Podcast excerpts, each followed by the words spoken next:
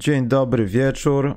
Jestem tutaj w pięknym podcaście specjalnym z szeleszczącym Maćkiem, który obiecał szeleścić dzisiaj tak dużo, że więcej już nie może. Porób takie sz... Są ludzie, Macie, którzy nie potrafią powiedzieć szy i właśnie teraz się z nich naśmiewałeś. Właśnie zostanę. E, jak to będzie? Szy shaming? no, Ostatnio był shit shaming, teraz jest szy shaming. ale to niebezpiecznie brz- brzmi z she-shamingiem, więc możemy wejść tutaj w grząską strefę, a chyba nie chcielibyśmy, żeby Maja Staśko mówiła coś o naszym podcaście. Czy Chcielibyśmy. Nie no, jesteśmy, jesteśmy jeszcze za mali na taką promocję. Nie wiem, ale powiedziałem Maja Staśko i pojawiły się radiowozy na Górczewskiej, więc y, przejdźmy może do programu Maciek. Przede wszystkim chciałem zapytać się, Maciek, jak podchodzisz do tematyki Johna Walla? Bo ja się teraz zastanawiam, czy po prostu czasami w NBA zawodnicy nie są. nie myślą za, za specjalnie za dużo. No bo gdybym był Johnem Wallem, tak?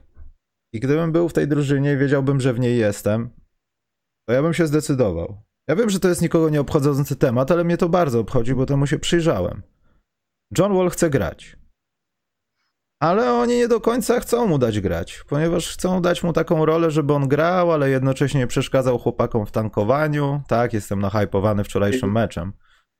E, I wiesz co? I zaczyna mnie to denerwować, bo są tacy gracze, którzy mają depresję, nie wiemy gdzie są i nie pojawiają się w Filadelfii, a tutaj mamy ludzi, którzy powiedzieli, że no ja się dogadałem z zarządem, tak, dla rozwoju drużyny w tym sezonie wyjdę niestety na boisko, bo mi honor nie pozwala, żeby się bawić w takie coś, a po miesiącu ja to prze, przewidywałem, że John Wall nie wytrzyma, jeśli jest zdrowy. Ja chcę jednak zagrać, bo mi ciśnienie już nie pozwala jako zawodowego sportowca. Muszę pobawić się piłką. To ja patrzę troszkę inaczej. Czyli jak? Ja patrzę na to w ten sposób, że mamy, mm, mamy pana e, Johna Walla, który dostał informację od klubu, że spróbują go przehandlować, ale tego czasu siedzi. To jest taki oficjalny oczywiście kod na to, że stary siadasz, yy, chcemy cię u siebie w drużynie. Ale nie, zaraz, drugiej- zaraz. To jest obopólna, jak gdyby była yy, no taka inicjatywa. No John Wall też jakby chciał do innego klubu. John Wall miał, miał szansę wtedy rozwijać swój, swój gang, e, jak, jak pan Wąski. E, I John Wall wtedy sobie stwierdził, no dobra, to ja siadam, będę sobie odpoczywał, będę sobie 40 milionów za siedzenie na ławeczce, jest pięknie, jest cudownie. E, A przy okazji pewnie agent mu nawciskał, że stary, będą cię chcieli w połowie klubów NBA, w końcu odejdziesz, jak nie wiem, e, skoro Kemba Walkera chcieli, to ciebie też będą gdzieś chcieli i tak dalej. No to John Wall stwierdził, no dobra, no to posiedzimy chwilę i pewnie mnie gdzieś wytransferują. Bo gracze NBA standardowo mają taką troszkę zawyżoną, zawyżone pojęcie swojej, e, to do swojej wartości, więc każdy zakłada, że ktoś na pewno będzie chciał ich pozyskać. To nie jest tak, że jak to, nikt nie będzie chciał mnie wziąć, przecież jestem John Wall, jestem The John Wall. No i po miesiącu się okazało, że drużyna gówno gra. Bardzo potrzebuje jakiegokolwiek rozgrywającego, który by w ogóle tą grę e, ułożył w jakikolwiek sposób. E, Kevin Porter Jr. i Jalen Green są całkowicie po, poza kontrolą, e, odwalają kompletnie, drużyna jest nieoglądalna, brakuje im weterana, który by to ułożył na boisku chociaż, no bo wiadomo, że John Wall w szatni to, to nawet dywanika nie ułoży. E, I Wall przyszedł do zarządu Houston i mówi, słuchajcie, dajcie mi grać, tylko jestem The John Wall, w związku z tym chcę być w pierwszej piątce. A Houston powiedzieli, spoko, tylko grasz z ławki. No i wrócili na swoje pozycje okopane, że John Wall chce grać, ale w pierwszej piątce. Houston powiedzieli, że mogą go puścić i co, co najwyżej z ławki. To jest dla mnie podwójnie jakby głupie, bo na miejscu Johna Walla bym się chyba zgodził na granie z ławki, bo co to jest za hańba, granie z ławki za 40 milionów dolarów. E, A po drugie, na miejscu Johna, na miejscu Houston Rockets bym go wsadził do pierwszej piątki, bo żeby ułożył tą grę troszeczkę, oni nawet nie muszą wygrywać, oni mogą przegrywać, byle tylko dzielili się piłką, podawali, biegali, e, żeby ta gra wyglądała jak gra drużyny NBA. Oczywiście są w trakcie wspaniałej serii czterech zwycięstw, e, która ich wywindowała na przedostatnie miejsce w lidze. Ale wciąż yy, bym powiedział, że na miejscu Houston bym go dał do pierwszej piątki, ale żeby tam był ktoś, kto napędza ruch piłki, kto podaje innym piłkę, kto wyprowadza innych na pozycję, bo oni w tym momencie nie mają chyba ani jednego gracza, który, w sensie mają te, takich graczy z drugiego planu, ale oni nie mają graczy, którzy po prostu tą grę ustawiali pod drużynę. I jak patrzysz na Houston Rockets, no to tam masz w tej, w tej piątce, którą oni grali wyjściowo, tak? Czyli masz e, Kevin Porter Jr., Jalen Green i dajmy na to, niech będzie e, Joshua, e, Tate. Jashon Tate, Christian Wood i Daniel Tice. To masz trzech gości, którzy są, mają założenie, że najlepszy rzut, jaki można oddać, to jest ich rzut. Jalen Green, Kevin Porter, Kevin Porter Jr. i Christian Wood. Y, oraz Daniel Tice i Joshua Tate, którzy, czyli dwóch gości, którzy po prostu y, tylko czekają, aż im się poda, poda piłkę i są zadowoleni, jak te piłki nie mają też. I ta drużyna była nieoglądalna kompletnie, dlatego ten John Wall mi się bardzo przydał. Inna rzecz jest, że teraz się nagle okazuje, że mają tyle kontuzji gównianych graczy Houston Rockets, że musieli zacząć grać dobrymi graczami, bo oni wygrywają te spotkania według mnie, tylko zaczęli wygrywać, kiedy wypadł z piątki Daniel Tice, Wood się przesunął na, na pozycję centra, a równocześnie wypadł z drużyny Jalen Green, który przestał na, na, nawalać te swoje cegły w każdej kolejnej akcji po koźle i został tylko Kevin Porter Jr., który wali cegły, ale to już się dało z tym żyć i nagle trzeba drużyna wygrywać. A teraz to już w ogóle jest cudownie dla Rockets. Oni się mogą potknąć o bycie przyzwoitą drużyną, bo teraz wypadł i Jalen Green, i Kevin Porter Jr., i Christian Wood. Się nagle okaże, że oni mogą wystawić piątkę rzetelnych graczy NBA. Oni wystawiają tą piątkę już prawie całe półtora tygodnia i to jest rzetelna drużyna. Jest bardziej rzetelna od wiadomo kogo. Wiesz co, wygrali cztery spotkania z rzędu. Wygrali cztery spotkania z rzędu, to im oddajmy. Są jedną, raz, dwa, trzy, jedną z czterech najlepszych drużyn minionego tygodnia, o którym, o którym mówimy. Żałosne to jest. Troszkę żałosne, zabawne. Niemniej e, oddajmy im to, że wygrywają. Wiesz, to jest bardziej żałosne?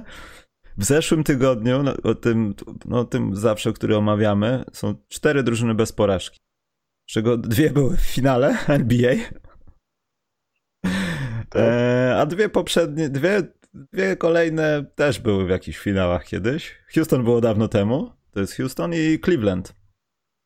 A obok niego, obok nich Bucks i Suns nie przegrali. Spo... A, przepraszam, San Antonio. Dwa spotkania rozegrali i oba wygrali. Cleveland gra, gra super. To jest, jestem tutaj, to jest, to jest moja teza. Cleveland gra super. Dobrze. Gra. No dobrze, będzie to w plusikach i minusikach. Ja chciałem powiedzieć tylko jedną rzecz, bo chyba już możemy to zrobić. Lekko, bo lekko. Albo nie róbmy tego jeszcze. Nie, nie robimy tego. Nie, bo chciałem o kadrze Polski porozmawiać, wiesz? Bo obejrzałem sobie na spokojnie te dwa spotkania, które były bardzo emocjonujące, jak się je oglądało na żywo. I, i zmieniłem zdanie. No. Na, że, że to nie będzie tak źle. Że teraz no po prostu mamy tak zbudowany skład, no przez wiadomo co, no przez to w jaki sposób są osadzone w kalendarzu eliminacje do Mistrzostw Świata.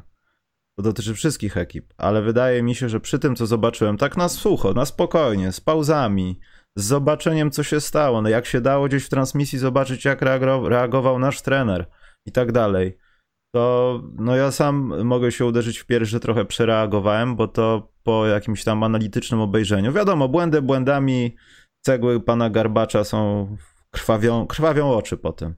Ale mimo wszystko ze strony trenerskiej z zrobienia tego czegokolwiek z tym składem, no to ja myślę, że troszeczkę można być zadowolonym. I chciałbym doczekać momentu, kiedy będziemy grali mecze o coś, a nie, że przewalimy te mistrzostwa, te, te eliminacje, już, już trzeba będzie na ciśnieniu tam grać ludźmi y, z pierwszego naszego garnituru, żebyśmy zagrali w końcu y, w tym roku jakiś prawdziwy mecz z całym składem. Wiem też, że to będzie mało możliwe chyba, bo jest luty, a potem już nie wiem, co jest w kalendarzu, ale no, chciałbym takiego reality checku w tej sprawie. Wiesz co? Ja mam z tą kadrą coś, coś takiego, że się pośmialiśmy troszkę z niej oczywiście, bo też było troszkę z czego. Szeleścisz, Maciek, znowu szeleścisz, na miłość boską. Pośmialiśmy się, obiecali, że przyjeżdżę, będę szeleścił, więc robię to dla ciebie. Powiedziałem przed programem, w trakcie nie mogę za bardzo. E, w każdym razie ta kadra, się śmialiśmy z tego, że ona została tak odmłodzona po to, żeby nie trzeba było powo powo powoływać Waczyńskiego. E, problem jest w tym, że tak naprawdę zrobiono coś, co powinno być zrobione już jakiś czas temu. Ta, ta drużyna, wreszcie mamy jakichś młodych graczy albo młodawych, bo to nie, nie trudno określić wszystkich młodymi, ale młodawych graczy, którzy jeszcze mogą się jakoś rozwijać, mogą się budować w tych swoich rolach, a nie gramy tymi samymi ludźmi od 15 lat. To jest, e, to jest pozytywne. Ale Troszkę... nie, nie, wiesz co, to nie, to nie jest pozytywne właśnie. Bo oglądając te mecze odniosłem wrażenie, że i to był właśnie największy minus, który sprawił, że to się nie zmieni u nas chyba nigdy. E, ten facet, który teraz jest mentorem dla wszystkich i asystentem niemalże trenera, Łukasz Koszarek, on niestety, stety, w tym wieku dalej by rządził i dzielił e, na parkiecie, prowadząc tam piłkę. Wciąż byłby najlepszym rozgrywającym. Tak, a ci zawodnicy, którzy są teraz w kadrze, to nie jest tak, że to jest efekt wybierania z grubego, grubego worka świętego Mikołaja, w którym no, dwumetrowa ręka, inaczej, tonmaker dna nie sięgnie. Tam jeszcze głębiej jest. To nie, to nie, nie było tak. My, my wydaliśmy praktycznie wszystko, co mamy. Tak, tak, tak. To jest, to jest inna sprawa, ale szczerze mówiąc, to jest jak, nie wiem, jak stankowanie drużyn w NBA, że trzeba czas, raz na jakiś czas trzeba przeżyć te parę ciężkich lat, żeby młodzi gracze mogli się zbudować, żeby potem móc e, się cieszyć niezłą drużyną. Tutaj mamy ci, ci gracze odkrywają swoje role, y, poznają, y, poznają po, po, y, dowiadują się tego, co mają, co mogą robić. Tam wiesz, zdaje się, że Jakub Szenk, który był bardzo długo poza w ogóle grą, poza, poza dyskusją o kadrze, tak, teraz nagle wyszedł, wyszedł ładnie, pokazał się w ostatnim meczu. E, I to jest fajne. Oczywiście to, czego mi brakuje, to, że zostało tak to zrobione drastycznie, bo nawet w NBA, kiedy mamy tankujące młode drużyny, tam paru weteranów jest potrzebnych, żeby trzymać i szatnie za jaja, i boisko za ryj, za przeproszeniem. E, a tutaj brakuje mi takiego, jakiegoś, e, takich weteranów, którzy po prostu właśnie troszkę prowadzili spokój, albo troszkę ściągnęli cugle komuś, albo kogoś ochrzanili, a tak na boisku nie tak, że tam trener z boku mówi, tylko tam podchodzi żeby na słowa boisku. na K i na H w transmisji leciały, rozumiem. Tak, no daje plaskacze tak, żeby zdemonetyzowali transmisję. dają, dają plaskacze. Tak, żeby TVP są wszystkie zdemonetyzowane, nieważne. Garbaczowi nie siedzi, tu go, wiesz, chwyci za, za habety gość, powie stary, teraz robisz dwa wjazdy do kosza. Tak jak trener Fasunkiewicz mu robił. I tak dalej. Tak, takie po prostu ustawianie zawodników, a nie, że, a nie takie po prostu, a nie takie taka troszkę wolna amerykanka. Oczywiście młodzi gracze dojrzeją i myślę, że bardzo fajną stronę to zmierza ogólnie, w sensie taki koncept jest fajny, brakuje materiału troszkę ludzkiego, e, jak sam powiedziałeś, ale pomysł jest no, zmiana, ta, ta zmiana pokoleniowa i tak jest spóźniona parę lat teoretycznie, chociaż dziwi mnie, że taką bardzo grubą krachę postawili właśnie, że na przykład nie został w niej Waczyński, żeby troszkę poliderować tak e, jako weteran, żeby wszedł na te dwie trójeczki za Garbacza, kiedy Garbaczowi kompletnie nie siedzi, pokazał. No, ale kiedy on sezon ma?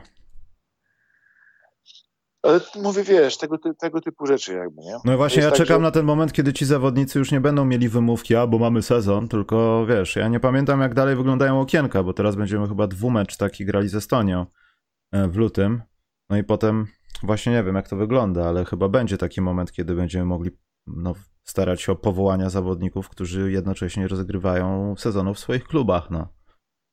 no chyba na to tak, czekamy. Tak. Ale fajne jest na przykład to, że e, nasze dwa największe talenty, największe nadzieje kadry jeszcze z tą kadrą nie grają. Kadra już tak wygląda dość ciekawie. Jakie to są talenty, Maciek? W Stanach mamy Jeremiego Sochana, czyli e, kandydata teraz do początku drugiej rundy draftu już w tym roku. Gość na razie robi show spory w NCAA i zarówno Mike Schmidt jak, e, z ESPN, jak i sam Weseni z The Athletic dość wyraźnie podkreślają, że, są, że jest fundamentem e, na początku sezonu obrony Baylor, która po oddaniu dwóch najlepszych graczy do draftu NBA ma jeszcze lepszą obronę w tym sezonie niż w zeszłym. To jest właśnie przypisywane Jeremiemu Sochanowi między innymi. Czy właśnie A, po kryjomu przemyciłeś draft teraz? Troszeczkę. Kurde troszeczkę, a i gość jest, wiesz, rankowany na początku drugiej rundy w tym momencie. Był 33, 40 jest tam rankingu ESPN. Nieważne jest tam konkretne miejsce, tylko ważne właśnie, że to jest początek drugiej rundy, czyli gość z szansą na pierwszą rundę, a jednocześnie, który jest postrzegany jako na tyle duży talent, że poza ten draft nie ma szans wypaść. I Fascynująca historia.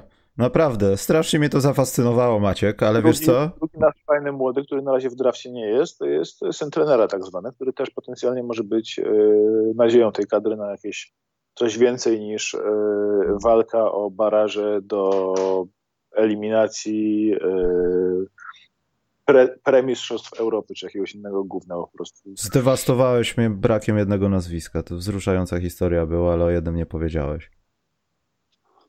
W zasadzie o dwóch, ale jeden jest na tyle młody, że jeszcze o nim się nie mówi, a ten jeden mam wrażenie trochę ma szczęście, że jego ojciec jest bardzo łebskim gościem i dba o jego karierę, tak samo jak w ogóle no, tata i mama.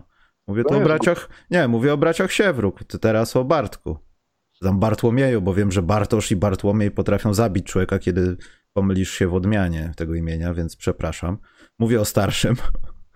To jest gość, który już yy, moim zdaniem był taki moment w kadrze Taylora, że tam były jakieś spotkania przed mistrzostwami okienka, kiedy można było chłopaka zabrać i dać mu zagrać mecz i zagrałby lepiej od Sochana, uważam. Tylko to się nie stało i to się nie stanie i nie wiem czemu. Czy to może po prostu Bartek Bartłomiej ma dobre highlighty, a nic poza tym, chociaż widziałem kilka spotkań całych i no on jest tym gościem, o którego musimy walczyć. To jest ktoś, kto z Balcerowskim będzie w wieku 35 lat, mam nadzieję, biegał po parkiecie i uczył innych dzieciaków, jak, jak, jak nie być na siódmym miejscu na Mistrzostwach Świata, tylko wyżej. Także no ja nie wiem, czy, czy to dobrze. I te nazwiska też w trójkę nawet się i tak nie pojawią, to ja w to nie wierzę, ale wiem, że wiem, że to się powinno stać. Chodźmy do plusów i minusów, Maciek. Dobrze. E, Zaczynaj. Ja mam zacząć? Dobrze, to zacznę. Może plusy w takim układzie. Plusów. Świetne. Plus pierwszy, że do, może to nie jest zespołowy plus, tylko to jest plus taki ogólnoligowy, ale wydaje mi się, że jesteśmy w takim momencie teraz, że dochodzi do tej takiej korekcji zdarzeń, że już Waszyngton dobrze tak nie gra wspaniale, gra ale dobrze, ale już nie jest tak wspaniale jak powiedzmy dwa tygodnie temu z różnych przyczyn. Bulls też są dobrzy. Co? Kiedy Bulls zrobili 3-1 w tym tygodniu, więc e, no i co z tego? Ale jest 3-1, nie 3-0. To jest 75%, to jest cały czas świetny bilans. To jest lepszy bilans niż mieli do, do, do, dotychczas. No i to też o tym może chcę powiedzieć, że no, no Bulls 13-8 w sumie mają bilans teraz, tak? Pokazali 14. 14. Pokazali, że już y, potrafią przegrywać, potrafią zagrać brzydko, potrafią się mylić. Ta drużyna dalej w jakiś sposób tam przechodzi ewolucję, ale nie już jak, jakoś tak dużą. Mają kupę problemów, jeśli się skupić już na wyciąganiu super perfekcyjnych rzeczy z Bulls, to mają kilka problemów, z którymi jeśli chcą sobie wygrywać w siedmiu meczach z Nets na przykład, to muszą sobie poradzić. Co zrobić, kiedy na przykład Demo, Demara, DeRozana podwajają? E, co zrobić, żeby Kobe White miał cały rok COVID? Bo mam wrażenie, że jak Kobe White wchodzi na boisko, on miał chyba półtora dobrego meczu od kiedy pojawił się na boisku pierwszy raz w tym sezonie. I myślę, że to jest znak, sygnał, że te 7 milionów za rok nie powinno być wydawane, tylko może w lutym ci chcę gdzieś tam, póki jeszcze coś jest wart, oddajmy go. Natomiast y, może Bulls przechodzą tą korektę i właśnie przejdą tą korektę, że oni powinni tam być, ale mówię tutaj głównie o zachodzie, o Golden State, o Phoenix, chociaż z tym Bookerem to ja teraz nie wiem jak to będzie, ale to może ma trwać krótko.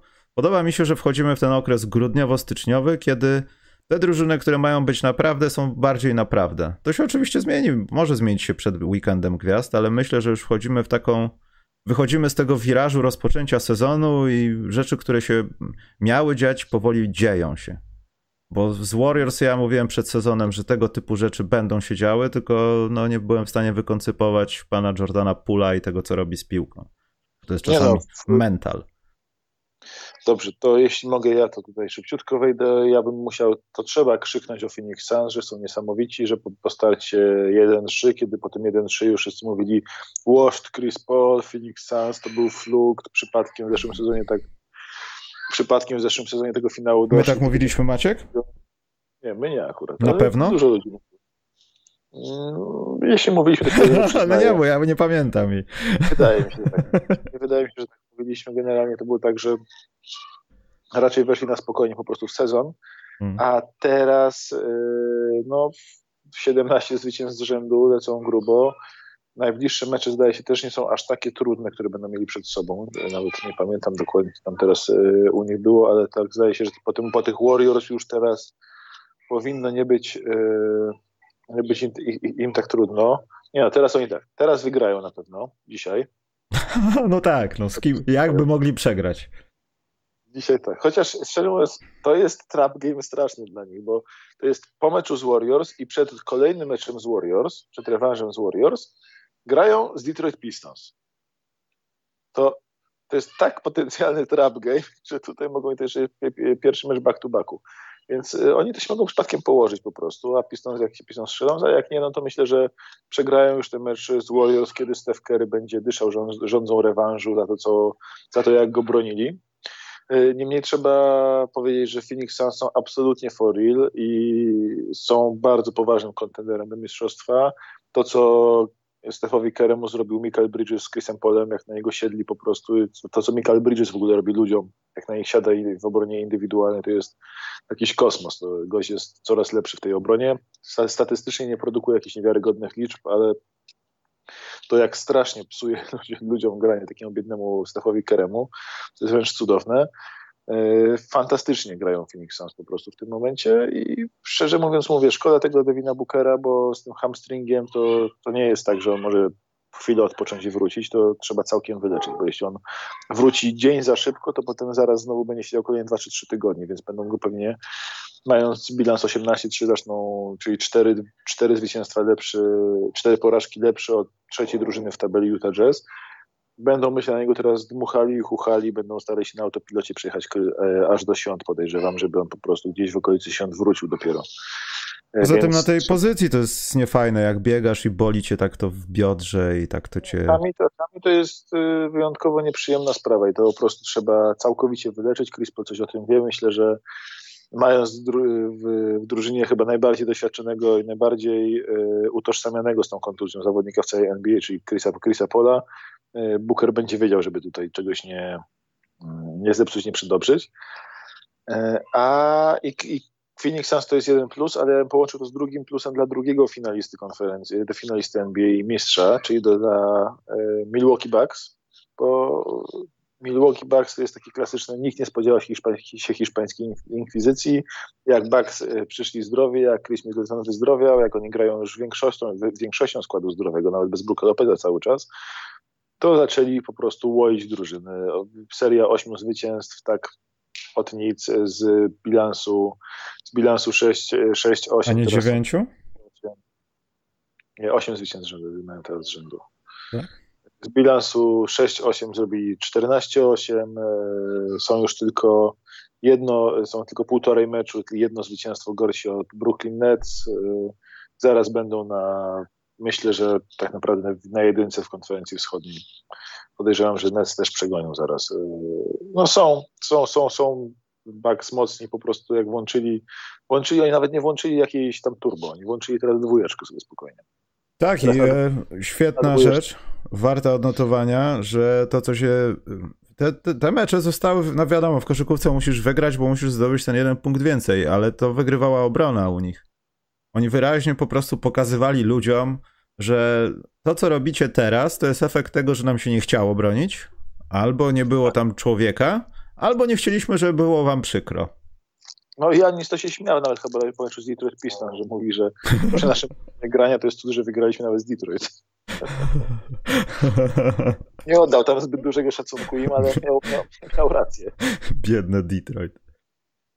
Yy, no to, to był taki mój plus. Ja tu mam tylko taką jeszcze ciekawostkę, że yy, czy to nie po pierwsze, to żadna ciekawostka, ale te trzy serie tam, e, Boże, Lakers, którzy wiadomo w latach 70., ale Houston, jeszcze Lakers i jeszcze chyba ktoś jeszcze. Nie pamiętam tej rozpiski, ale tam cztery kluby, które ten rekord bez porażki. To, że trzy pamiętam za mojego życia, to jest taka ciekawostka. To było niedawno dosyć. A druga jest taka, że Phoenix, Maciek, jeśli odpoczywają więcej niż dwa dni, to nie są w stanie wygrać spotkania w NBA. To prawda, to tylko dwa takie spotkania były z trzydniowym odpoczynkiem i sześciodniowym odpoczynkiem. ale są 0-2, natomiast kiedy jest jeden dzień odpoczynku, są 12-0. Kiedy nie ma żadnego dnia odpoczynku, są 3-1. Także taki cool stat. Dobra, jakiś twój plus ciekawy, albo może nieciekawy najlepiej. Dla koszykówki, w sensie, bo teraz mamy koszykówkę, która była lepsza niż była na początku roku. I to na przestrzeni całej ligi. E, mamy taką sytuację, że mm, teraz e, drużyny powprowadzały zmiany w rotacjach, takie różne fajne zmiany w rotacjach, które poprawiają jakość gry. Na przykład Wizards, którzy na początku zaskakiwali rywali głębią, teraz grają lepiej niż grali, bo na przykład e, część minut Harela, który był super fantastyczny i bardzo seksowny w tym, jak te punkty zdobywał, dar się na uliskach po głowie, troszkę przesun- ucięli trochę jego minuty, dali więcej Gaffordowi, mają większy bilans w grze, lepiej bronią, fajnie to wygląda, jeśli chodzi o taki potencjał e, do utrzymania się na przestrzeni całego sezonu niż na początku, kiedy był po prostu bardzo gorący e, w grze w ataku. E, Nets usunęli z rotacji beznadziejnego Blake'a Griffina. Mm, Bruce'a Browna, który się nie sprawdzał tak dobrze jak w zeszłym sezonie, też zredukowali bardzo mocno, wprowadzają innych zawodników. Znowu Aldridge gra więcej troszeczkę, gra Cam, Cam, Cam Thomas, tak? gra z ławeczki, bardzo to fajnie wygląda. I znowu, Nets wyglądają coraz lepiej. Te drużyny wprowadzają te zmiany w rotacjach, takie delikatne, małe, gdzie dzięki temu koszykówka po prostu jest lepsza. I to jest nie tylko tutaj, też na przykład takie zmiany w rotacji tych Houston Rockets, tak? Są troszkę wymuszone zmiany, ale nagle pojawi nam się Kenyon Martin Jr., który pokazuje się z fajnej strony, gra solidną obronę bardzo w tym Rockets. Joshua Tate to wczoraj zwariował, ale ogólnie gra bardzo też solidne minuty. Nawet, nawet Stephen Silas dał radę rozdzielić, nawet Silas dał radę rozdzielić yy, Greena z Porterem, też przypadkiem, ale ta zmiana w rotacji też poprawia ich grę. Yy, nawet Pelicans troszeczkę poprawili jakość swojej gry, pomijając no wczorajsze, te wczorajsze baty, które dostali. Mm, bo też troszkę lepiej już bilansują swój atak obronę i drużyny po prostu poprawiają te swoje rotacje, usuwają niepotrzebnych graczy. Minnesota Timberwolves, Vanderbiltem w piątce gra lepiej niż grała.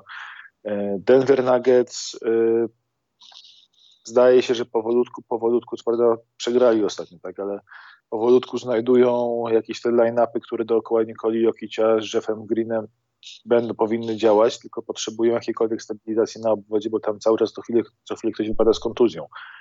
Poprawiają rotację. Blazers to samo. Mimo kontuzji masy teraz Lillarda, leciutko zmieniają rotację, przesuwają graczy, zwiększyli rolę Simonsa, wyglądają lepiej. Lepiej. Clippers mm, odkrywają swoją ławkę. Sacramento Kings, którzy tam walczą desperacko o playoffy, mimo że są beznadziejni, E, znaleźli tego metu, który się sprawdza jako e, silny skrzydłowy, znaleźli teraz e, Terensa Davisa, który też tam jest ewidentnie przydatnym zawodnikiem i jest może tym skrzydłowym, którego szukali bardzo długo. I tak powolutku przechodzą przez te wszystkie rotacje. Memphis Grizzlies znowu nie ma Moranta, ale mają ten, tą, tą całą rotację opartą na, na tych wszystkich wingmenach, gdzie też Belton też jest wingmanem te drużyny odkrywają te swoje lepsze rotacje, lepszy styl grania, bardziej lepsze dopasowanie zawodników i na to się zaczyna coraz lepiej patrzeć. Ta koszykówka w NBA jest coraz lepsza. Ja podejrzewam, że zaraz, zaraz też Indiana Pacers pójdzie do góry, bo o ile na razie to tam, tam się jeszcze nie klei, to tam myślę Carlisle też małe jakieś tam roszady w rotacji i też ta drużyna pójdzie troszkę w górę. Nowy Jork wreszcie wywalił z rotacji Kemba Walkera, który był beznadziejny, zmniejszył rolę Ewana Fourniera, za to, a za to zwiększył rolę Aleka Bergsa, zwiększył rolę Immanuela Quickleya, zwiększył rolę e, nie wiem, nawet obiegu Topina, powolutku ucina właśnie minuty Noelowi i e, Mitchellowi Robinsonowi, zwiększając minuty Topina. Ten atak ich wygląda płynniej i lepiej. E, Hornets, którzy na początku jechali tylko i wyłącznie na ogniu, który rzucał Miles Bridges, teraz całą drużyną wszyscy weszli poziom wyżej, pełnoprawnego centra gra cały czas PJ Washington. Drużyna jest lepsza, fajniejsza. Boston Celtics znaleźli defensywną tożsamość, starają się jej trzymać, powolutku im się rozgrze rozgrzewa Dennis Schroeder. są lepsi. Hawks weszli na lepszy, lepszy poziom grania. Wszystkie drużyny po prostu są wyraźnie lepsze niż były na początku sezonu. I to jest fajne, bo to naprawdę widać, jak się włącza mecz, to widać, że już każdy wie, gdzie biec, już się nie mówi o tych e, innych zasadach dotyczących fauli, się już nie mówi o innej piłce. Po prostu patrzymy na koszykówkę, która jest dużo lepsza niż na początku sezonu. I dla mnie to jest duży plus, bo to po prostu włączasz losowy mecz i widzisz, że jest e, zupełnie inna koszykówka niż była jeszcze miesiąc temu. Mhm. Ciekawe, od czego to zależy. Czy od tego, że się gra i to trwa jakiś czas, żeby do czegoś tam przywyknąć, albo po prostu zależy to od czegoś innego. Jestem ciekaw, e, dlaczego tak jest. Bo w zasadzie nie zmieniło się nic. No co się zmieniło? No, stała grawitacyjna się zmieniła na Ziemi, to byłoby jedyne, co byłoby tłumaczalne od razu, no, że piłka łatwiej wpada do kosza. Albo są wszyscy naćpani jakimś EPO, no i z mojego punktu widzenia to bardziej chodzi o to, że oni naprawdę po prostu po pierwsze sędziowie przestali tak przereagowywać z tymi przepisami w drugą stronę, bo zawsze na początku, jak się zmieniają przepisy w jakiś taki wyraźny sposób, to przez pierwsze dwa czy trzy tygodnie szkolą gracze pokazują, a teraz patrzcie, jak będzie wam ciężko, a potem wyluzowują i się wszystko tam normuje, tak. E, z drugiej strony gracze się przyzwyczaili do nowych przepisów troszeczkę i e, do tej nowej piłki też na pewno się troszkę przyzwyczaili. To są takie małe elementy, ale dla mnie najważniejsze jest to, że gracze się, trenerzy się uczą rotacji. Trenerzy i gracze po prostu odkrywają, kto gra lepiej z kim. Co się zmieniło, co może być lepsze. Zauważ, że poza kilkoma drużynami się rotacje drużyny w większości tych y, bardzo mocno pozmieniały. Mhm. I y, poza pomijając tam finalistów, y, finalistów ligi ostatnich, to tam się dużo pozmieniało. Warriors na przykład, ci świetni, fantastyczni Warriors, oni cały czas docierają tą rotację na krawędziach. Tam, yy, teraz yy, Otto Porter zaczął dostawać większą rolę. Jonathan Kuminga jest szykowany jako taki obrońca do rzucania po prostu na rozgrywających nawet jako skrzydłowy. Yy, też odkrywają ten drugi, trzeci bieg jeszcze w obronie, mimo że oni już mają świetną obronę. I to jest kwestia tego, że trenerzy poznają, co jest, gracze się docierają, dochodzą do formy. Pewnym wyjątkiem są dla mnie Mavs, ale to będzie w minusach. Ale ogólnie to wszystko idzie fajnie w górę i dobrze się, po prostu dobrze na to patrzy. Dla mnie to jest najważniejsze, jest to, że trenerzy poznają swoje rotacje, odkrywają graczy, tak jak, nie wiem, Magic odkryli Kola Antoniego na początku, mm, teraz yy, i tak samo, nie wiem, Nowy, Nowy Jork z Tipsem, tym takim tradycyjnym trenerem, który robi bardzo mało, mało zmian, wyciągnął do góry w rotacji właśnie Quickleya, Bergsa, Topina, Quintona Grimesa nawet próbował ostatnio odpalić, żeby zobaczyć, czy, czy ten gość mu się przyda jako obrońca do wrócenia na parę minut meczu. Fajne jest to, że ci y, gracze, y, trenerzy poznajdowali zawodników. I na przykład Hornets, co będzie też, możemy, to też będzie plus zaraz, e, znowu zrobili tą taką troszeczkę lamelocentryczną koszykówkę, pod jego mocne strony i to ta, ta koszykówka też fajnie wygląda. Jak, y, to jest zdecydowany skarbnik pasa Hornets, że naprawdę fajnie się patrzy na to, jak grają, ale nie wiem, czy pamiętasz, na początku sezonu y, Ish Smith zjadał połowę minut Lamelo. Oni grali prawie splita minutowego, grali 20, 20, Lamelo 26 minut, Ish Smith 24, ze dwie minuty meczu obok siebie grali. Nawet jakieś crunch time kończył Ish Smith w ogóle na boisku, nie Lamelo Ball.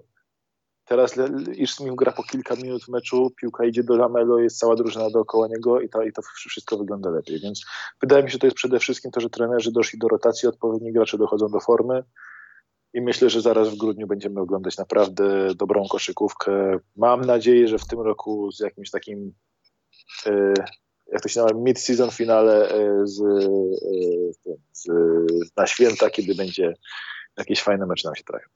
Kiedy NBA będzie już na Netflixie jako Squid Game, rozumiem.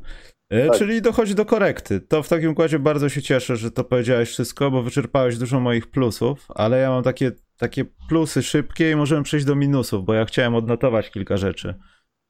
Pierwsza rzecz to Shai Gilgius Alexander.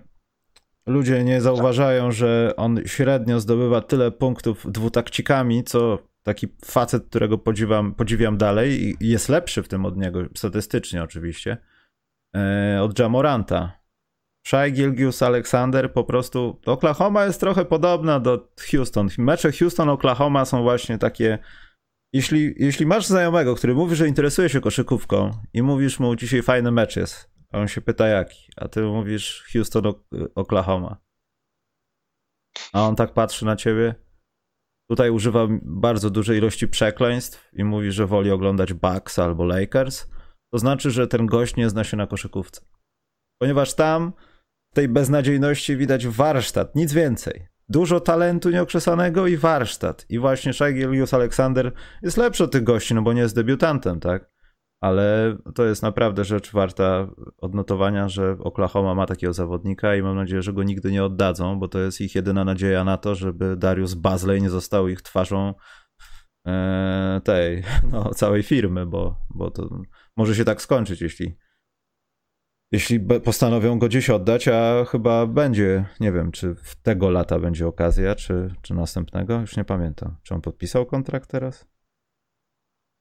Może podpisał teraz. No, podpisał, nie? A, to dobrze. To nie, to nie oddadzą go. To bardzo dobrze. Będą go trzymali przez 7 najbliższych lat. Będziemy oglądali, jak wykrwawia się w Oklahomie. A tak poważnie, bardzo lubię jego, jego dynamikę, tak, no.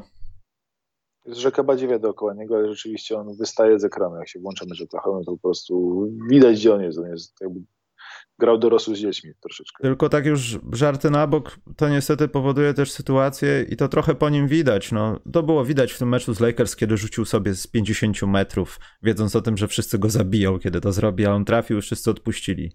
To, ta sytuacja może doprowadzić do tego, że y, ze skromnego, spokojnego gościa on się zamieni w super gwiazdę w jego głowie, która będzie rządziła Oklahomą, która idzie donikąd i tego chciałbym najbardziej uniknąć w jego grze bo wiem, że taki sezon, może jeszcze taki następny i tam mogą się pojawić nieodwracalne zmiany w mózgu. Wiesz, tak. taki John Wall, taki tak Russell Westbrook. Nadmiar takiego tego przegrywania i trzymania się w takich warunkach, kiedy nie, nie odpowiadasz za nic, co robisz na boisku. Y, może to być no, ten rzut z Lakersami, tak, że to było, ile tam było, 10 sekund czy 15 sekund do końca akcji. To było chore, no. Walną se truje, to jest takie taka akcja klasyczna, kiedy trener już wyciąga tasak generalnie pod ławki, to się stanie, że ją urwą z puszne łapy. Dzwoni do twojej mamy już. Się nagle, że, że, że, że, że wpadły, jest tak, o cholera, dobra. Mm. Nie, się gość. Mierzona, mierzona akcja. Mierzona, wszystko za tak, i trener podnosi, tak, tak, tak, zgodnie z planem, Cześć, zgodnie z planem, zgodnie z planem. Ale już tutaj za plecami, za plecami strzelba. W każdym razie to może jakby zaszkodzić Szejowi długoterminowo. Fajny jest sztander, rzeczywiście tam się rodzi ten, prawie trzech graczy na razie mają, ale się tam rodzi powolutku ten core, czyli wydaje się, że ten backcourt y, Giddy, Shea, Dort to jest coś, co będą mieć na lata i trudno nic więcej pozytywnego powiedzieć, y, ale tych trzech gości powinno tam zostać na lata i to jest y, fajne, fajne zestawienie jakby zawodników. I rzeczywiście jeszcze warto czasem włączyć Oklahoma tylko po to, żeby zobaczyć Sheya, albo tylko po to, żeby zobaczyć, że Lugans Dort ciągle świetnie broni, albo żeby zobaczyć, że Aleksiej Pokuszewski powinien wracać do Rosji, czy skąd, tam, skąd on tam jest, bo on się w NBA chwilowo kompletnie nie nadaje. Albo żeby zobaczyć po prostu to, że yy, Josh Giddy bardzo mądrym graczem jest. Fajnie się, mówię, te, te, takie pojedyncze perełki w błocie kompletnym to są właśnie w Oklahoma. Dużo takich Kolejny mój plus to jest do Charlotte, który, który powiedziałeś. W zasadzie, że są fun to watch, ale też nie do końca są fun to watch, bo Charlotte Hornets nie jest na pierwszym miejscu w NBA nie dlatego, że że i tutaj możemy wymieniać, że nie zbierają, że, że to różnie z tą obroną bywa. E, Charlotte Hornets ma ten problem, że są młodzi, to jest świetne, są fun to watch przez to, bo biegają, skaczą, sobie podają, rzucają za trzy, jak nie to hej, damy wsad, gdzieś tam z boku boiska wyskoczy ktoś z rogu. Tylko, że są trochę, ale to jest naturalne dla młodych ekip, to jest trochę niekonsekwencja po prostu w, w grze. To, że potrafią świetnie obronić końcówkę albo zrobić coś dobrego przez 30 sekund, zamienia się potem w 45 sekund, hej, jesteśmy młodzi, pomyliliśmy się. Albo o, nie wpadło. E, I to, I to, jest chyba trochę ich największy problem, tylko nie wiem, czy to jest problem, czy to po prostu jest taka naturalna kolej rzeczy, że niektóre rzeczy muszą się stać. To musisz zagrać kilka razy przeciwko Antkowi, dać nad nim ze dwa wsady. Na koniec dnia on ci tak spierze tyłek, ale gdzieś za pół roku, za rok, za półtora może role się odwrócą, bo on był tam, gdzie wy i, i tak to trochę wygląda. I jednocześnie to też jest plus dla Michaela Jordana, że wreszcie ma coś, co wygrywa to przynosi jakąś nadzieję poza tym, że to jest jakaś inwestycja biznesowa. Naprawdę, będąc właścicielem, mam wrażenie, że Jordan jeszcze bardziej e, cieszy się z tego po prostu, a też wkurza się. Pamiętam te reakcje, nie pamiętam o którego zawodnika chodziło, ale ktoś tam wykadrował, jak Jordan reagował na rzut. Nie mógł na to patrzeć, komentował z tej loży i tak dalej. To, to też jest dla niego plus i to też jest taka no, dobra historia, bo tych przegranych biznesów sportowych to już trochę było. Ja nie mówię o czasach gry, ale byciu właścicielem w zarządzie czy coś. To jest w ogóle, Horens to jest bardzo fajna taka taki, oni, oni są wręcz taką idealnym przykładem drużyny właśnie takiej y, perły League Passa, fajnej młodej drużyny, która y, się dobrze ogląda, ale jeszcze tak dużo nie wygrywa. To nawet jest tak, to jest y, top 5 atak ligi i low 5 obrona ligi. Mm. To jest drugie najwyższe tempo w lidze gry Y, top 5, jeśli chodzi o procent rzutów asystowanych. Y, drugie najwyższe to jest akurat wyjątkowe, to się tak młodym normalnie nie zdarza.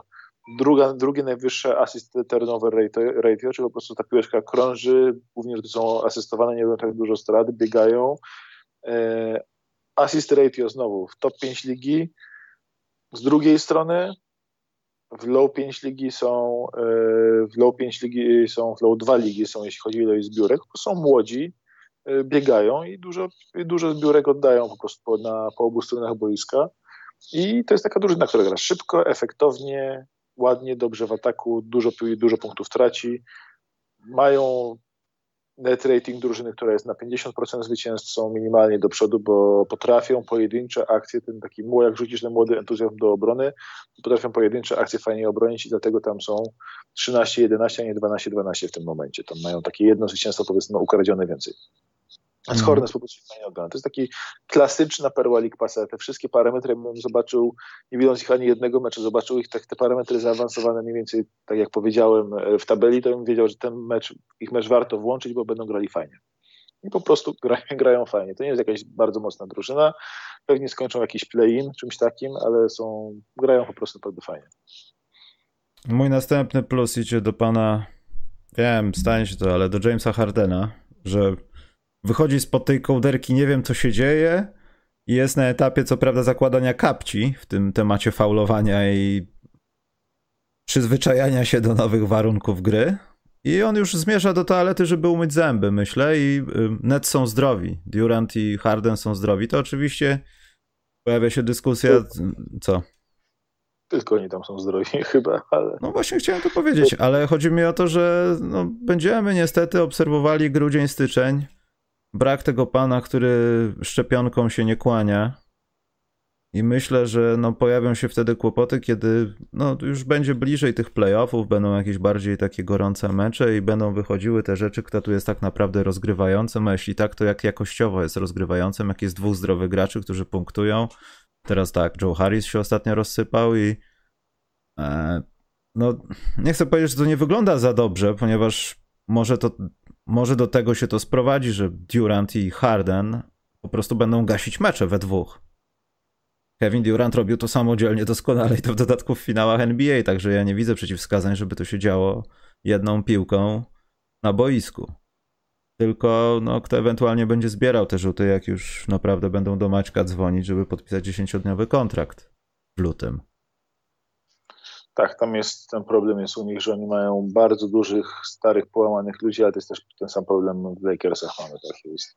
O... Drużyny, ich głęb, głębie, głębie składów tych drużyn stanowią e, starzy, połamani ludzie, ale tego może jeszcze dowiemy. Dobrze, e, czekaj, co jeszcze miałem na plus? Chyba nie, bo ty wszystko wygadałeś w tym swoim wielkim rancie dla koszykówki. Yy, to ja mam jeszcze. Tak, chyba to. To ja, jeśli mogę jeszcze, to mam taki plusik yy, dla, dla Hawks, którzy się powolutku zbierają. I po takim wolnym starciu oni tam mieli chyba 4-9 bilans, teraz mają już 12-10, są na plusie. Yy, w ostatnich, w ostatnich 10 meczach Hawks po cichutku, to jest bardzo, to jest drużyna, wiesz, nikt, nikt nigdy się nie przejmuje Hawks, tylko Przemek jak potrzebuje jakiś nowy przebój napisać 8-2 w ostatnich 10 meczach są i rzeczywiście to wyglądają jak drużyna, która jest 8-2. Po prostu spokojnie, stopniowo nawet, nawet są 8-1 w ostatnich 9 meczach. E, I spokojnie wygrywają, robią swoje, mimo kontuzji, masy kontuzji na skrzydle, którą mają, to cały czas sobie dają radę. Kevin Huerter pokazuje się znowu z dobrej strony, wraca nasz rudy, rudy przyjaciel, dający radę. Więc dla Hawks plusik jest, plusik znowu dla konferencji wschodniej, bo to jest dla mnie cały czas niesamowite, że drużyny, które są na, wschod, na zachodzie w playoffach, na wschodzie byłyby na granicy play-inów. Na wschodzie mamy w tym momencie 11 drużyn z bilansem 50% lub więcej, a 10 drużyn z bilansem dodatnim, czyli że wygrały więcej spotkań niż, niż przegrały. E, Philadelphia 76ers w ciągu tygodnia bodajże spadła z chyba z, z piątego miejsca w konferencji, czy czwartego na jedenaste. Tak, oni zrobili bilans 1-2 i spadli, spadli o 6 miejsc do konferencji. E, między... Przepraszam drugą... Maciek, bo tutaj mam, wynotowałem sobie, zrobiłem taką tabeleczkę pseudo mam. 4 listopada Filadelfia przez 5 dni była na pierwszym miejscu. Miała wtedy bilans 7-2, 8-2, 8-3 na ostatniego tego dnia, 8. No i od tamtej pory leci tak w dół, że to już było miejsce siódme już zaliczone. Jest w międzyczasie teraz i teraz jest na, na, na którym? 11. Na 11, jest tak. Philadelphia jest teraz na 11 miejscu, mając bilans 11-11. E, przypadek.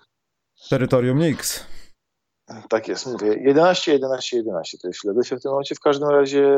No ale poczekaj, Bida nie było, tamtego nie było, mecze. tego nie tak, było. Nawet mieli spotkania, które grali bez żadnego gracza pierwszej piątki. No właśnie potrafili wygrać z Sacramento wtedy na przykład, które grało pełną pierwszą piątką, więc to już w ogóle są jaja, ale e, Philadelphia jest tylko, będąc na 11 miejscu na wschodzie, jest tylko trzy spotkania za dwójką na, za, za, za drugim miejscem wschodu.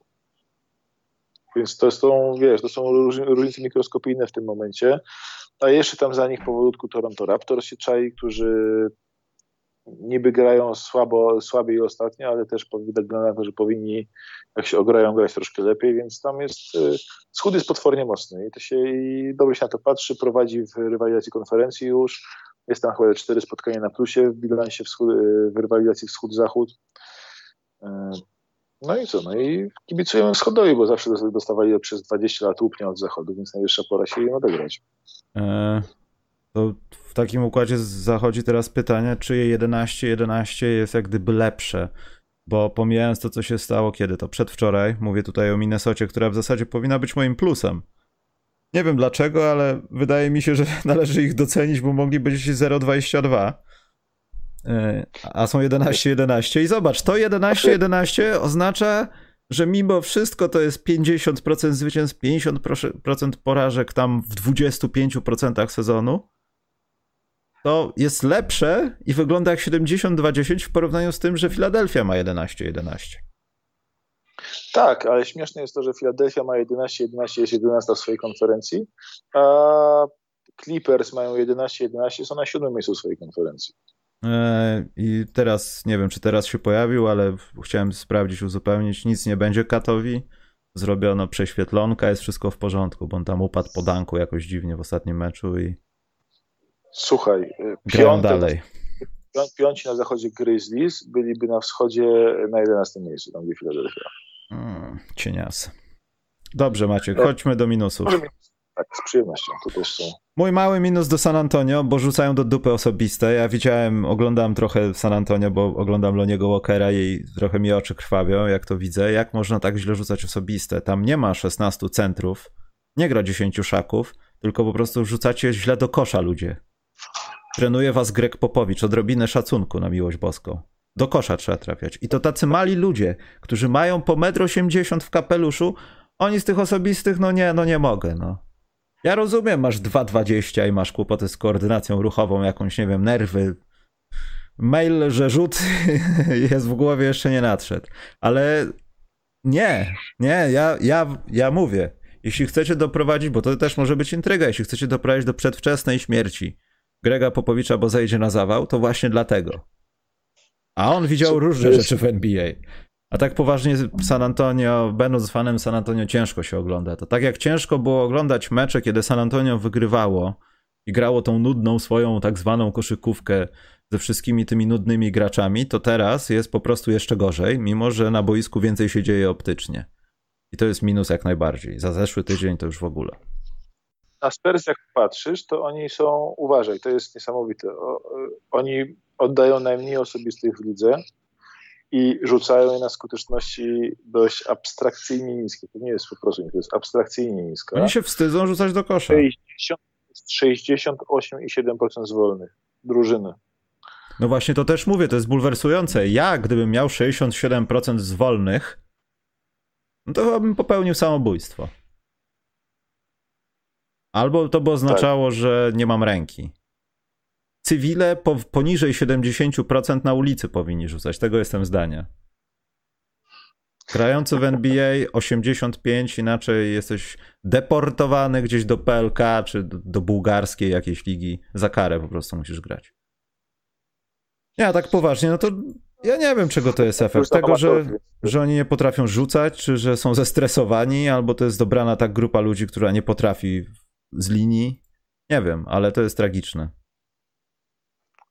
Nie, w sensie ta drużyna jest ogólnie słaba, tak pomijając wszystko, po prostu ta drużyna jest słaba, ale y, fakt, osobiste, y, osobiste to nie jest ich mocna strona i Spurs trafiają chyba półtorej osobistego mniej niż druga najgorsza drużyna w lidze.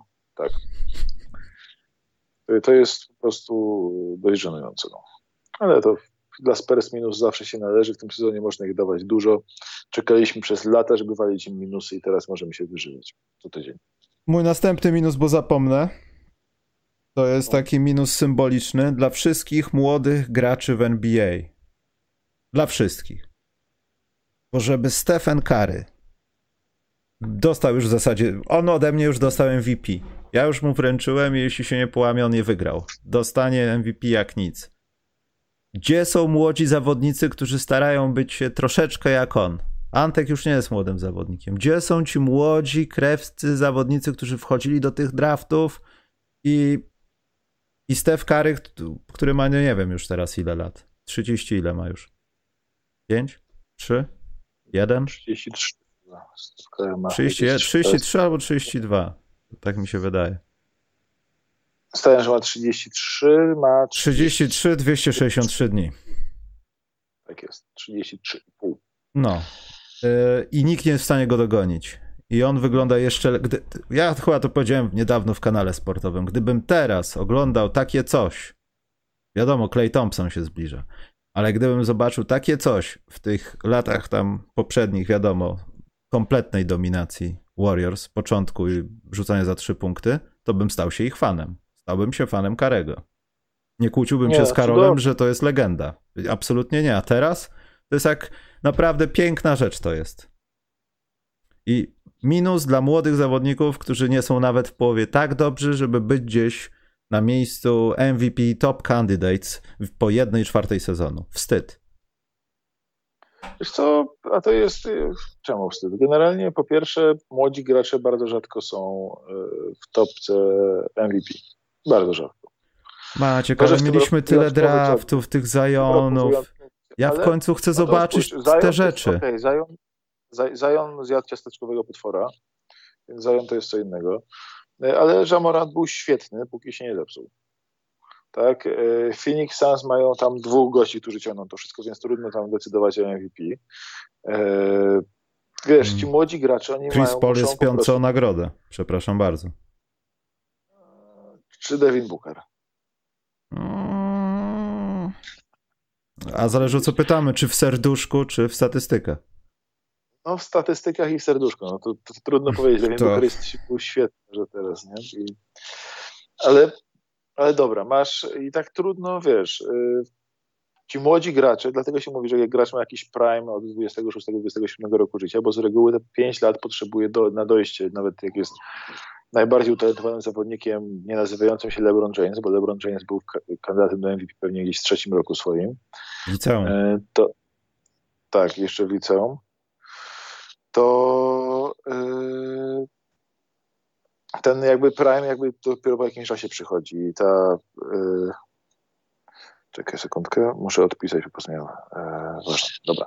I ten prime dosyć późno przychodzi, więc jest to dosyć, e, trzeba poczekać, tak? I to nie możesz mówić tak, że gdzie są ci młodzi gracze, bo ci gracze 25-26-letni, którzy się pojawili w tej rozmowie, już gdzieś tu są, już się pojawiają, już się pojawia ten Devin Booker powolutku, już y, Janis Antetokounmpo tam już w ogóle mieszka. Janis jest młodym graczem. A ile on ma lat? Mm, ile zagrał sezonów Maciek już w NBA? Z 8? No właśnie. Nie 3, nie 4, nie 2, nie 1, tylko 8. Ma 26 lat, on dopiero wchodzi w swój prime teoretycznie. No, on, ale on, on już tam jest. Ja jego nie, nie chcę ja posądzać wiem, o to. To jest, to jest niesamowite, że dwukrotny MVP, MVP finałów wchodzi w swój prime w tym momencie. Mhm.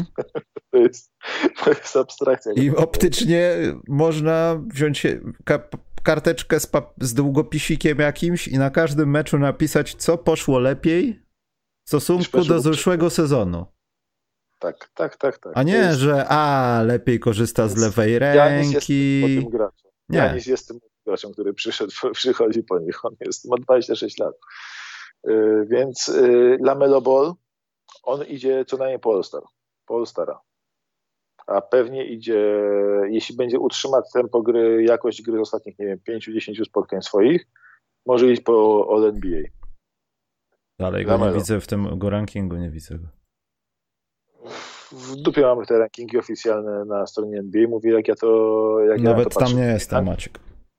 Trae Young pewnie, jeśli Atlanta będzie dalej tak spokojnie szła w górę, pewnie też będzie gdzieś tam, może nie na MVP kandydatem, ale do All-NBA kurczę, w Cleveland Cavaliers mamy, mamy kandydata, mamy dwóch gości, którzy do Stara idą, młodych, fajnych, czyli Garland i Evan Mobley. A Jared Allen im niewiele ustępuje. Są, wiesz, y, więc mamy masę tych młodych, dobrych graczy, którzy tam wychodzą w górę, tylko no nie, nie bądźmy niecierpliwi, tak? Nie oczekujmy, że... Ale dalej nie ma ich dziesiątce macie że ci goście będą, e, e, będą do góry szli, tak? Że Kate Cunningham będzie nagle kandydatem do MVP w pierwszym sezonie, czy cokolwiek innego. Jeśli to potrzeba troszkę ogrania. Liga jest tak bogata w talent, że taki młody szczyl, nawet najbardziej utalentowany, przychodzący z, do NBA w swoim pierwszym, drugim roku, no nie ma jak się przebić, bo ma tak dobrych tych ludzi nad sobą, że no nie przebijesz się tak łatwo, tak? To jest tak, jakbyś oczekiwał, że e, już nawet zgubiłem się metafory. W każdym razie mówię, że to wymaga czasu. Jedyny gość, który, jedyny młody gość, który mnie rozczarowuje, bo Zajona już tak pół krzyżyka skreślenia mu postawiłem na Zajonie. Młody gość, który mnie rozczarowuje, to jest Luka Doncic, bo Dallas Mavericks są w tym sezonie lepsi bez niego niż z nim. No ale Luka, on 12 tak, miesięcy w kosza gra Maciek, to chyba gdzieś musiał się znosić ten materiał, nie? Tak, i się trochę zapuścił w off-season, przyszedł bez formy, no i e, zresztą to jest ten kolejny minus, do którego możemy bardzo płynnie przejść teraz e, wyjątkowo, to jest e, właśnie to, że my tutaj trąbimy w podcaście specjalnym już od dłuższego czasu. O tym, że Luka, że, że Dallas Mavericks wyglądają bardzo podejrzanie, i że potencjalnie ten taki bilans ich jest napompowany, tak, bo oni mają przed tym meczem z Pelicans i tam sobie ten swój net rating dramatycznie poprawili, wygrywając go prawie 40 punktami, e, ale oni mają net rating drużyny, która powinna mieć bilans, nie wiem, teraz yy, dajmy na to 9-12, tak, coś, coś w tym stylu. Yy, oni on powinien mieć 9-12, mają E, mają, mają 11-9, tak? Czyli 9-11 mają 11-9, troszkę ukrali tych spotkań, ale oni wyglądają słabo, oni wyglądają po prostu słabo, a Luka jest, e, a z Luką ta drużyna jest chyba 7 punktów na 100 posiadań gorsza od przeciwników. Czy hmm. 5 punktów na posiadań gorsza przeciwników, a, a bez niego o 7 lepsza. Ale co, myślisz, że to jest jakiś, bo to też może mieć podstawy swoje w tym, że Kristaps w końcu nie zabiera tylko tlenu i wypuszcza CO2, tylko zaczyna coś robić. Piłka jest jedna. Luka mimo wszystko większość z tej swojej gry, którą my nazywamy flashy, a dla niego jest rzemiosłem i sposobem na to, żeby normalne zdobycie punktów, on czasami nie może tego zrobić, bo go podwoją, albo widzi tego Kristapsa na trójce, no i wtedy wiadomo, dwa lepsze niż trzy podaje temu długiemu typowi, bo on trafi. To może wynikać z tego, że, że tu też musi nadejść jakieś wyrównanie tego, co Kristaps daje, co Luka może dać, zróbmy to razem, hej. A nie, że albo jesteś ty, albo jestem ja. Dallas ma mało takich spotkań, kiedy obaj są tak samo mocno w grze. Wiesz co, y, tak, ale to jest to, że Kristof jest coraz lepszy to i gra naprawdę najlepszą koszykówkę chyba półtora roku w tym momencie.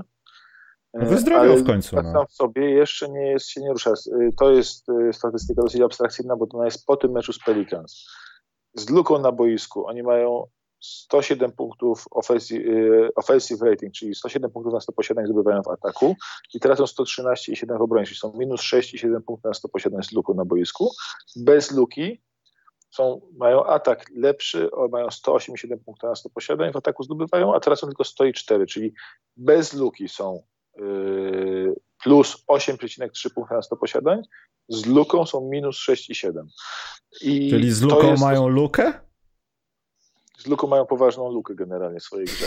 I to wynika z tego, że ta gra Dallas jest cała na nim skoncentrowana, cała dookoła niego zbudowana, jest bardzo lukocentryczna, a on nie jest w najlepszej formie, przez co on dużo bardziej, mimo że wiadomo jest ich najlepszym graczem, to przez to, że nie jest w tej najlepszej formie, a gra jest na nim oparta. I Jason Kidd tą grę zamiast troszkę zróżnicować, chyba jeszcze bardziej na, na nim oparł.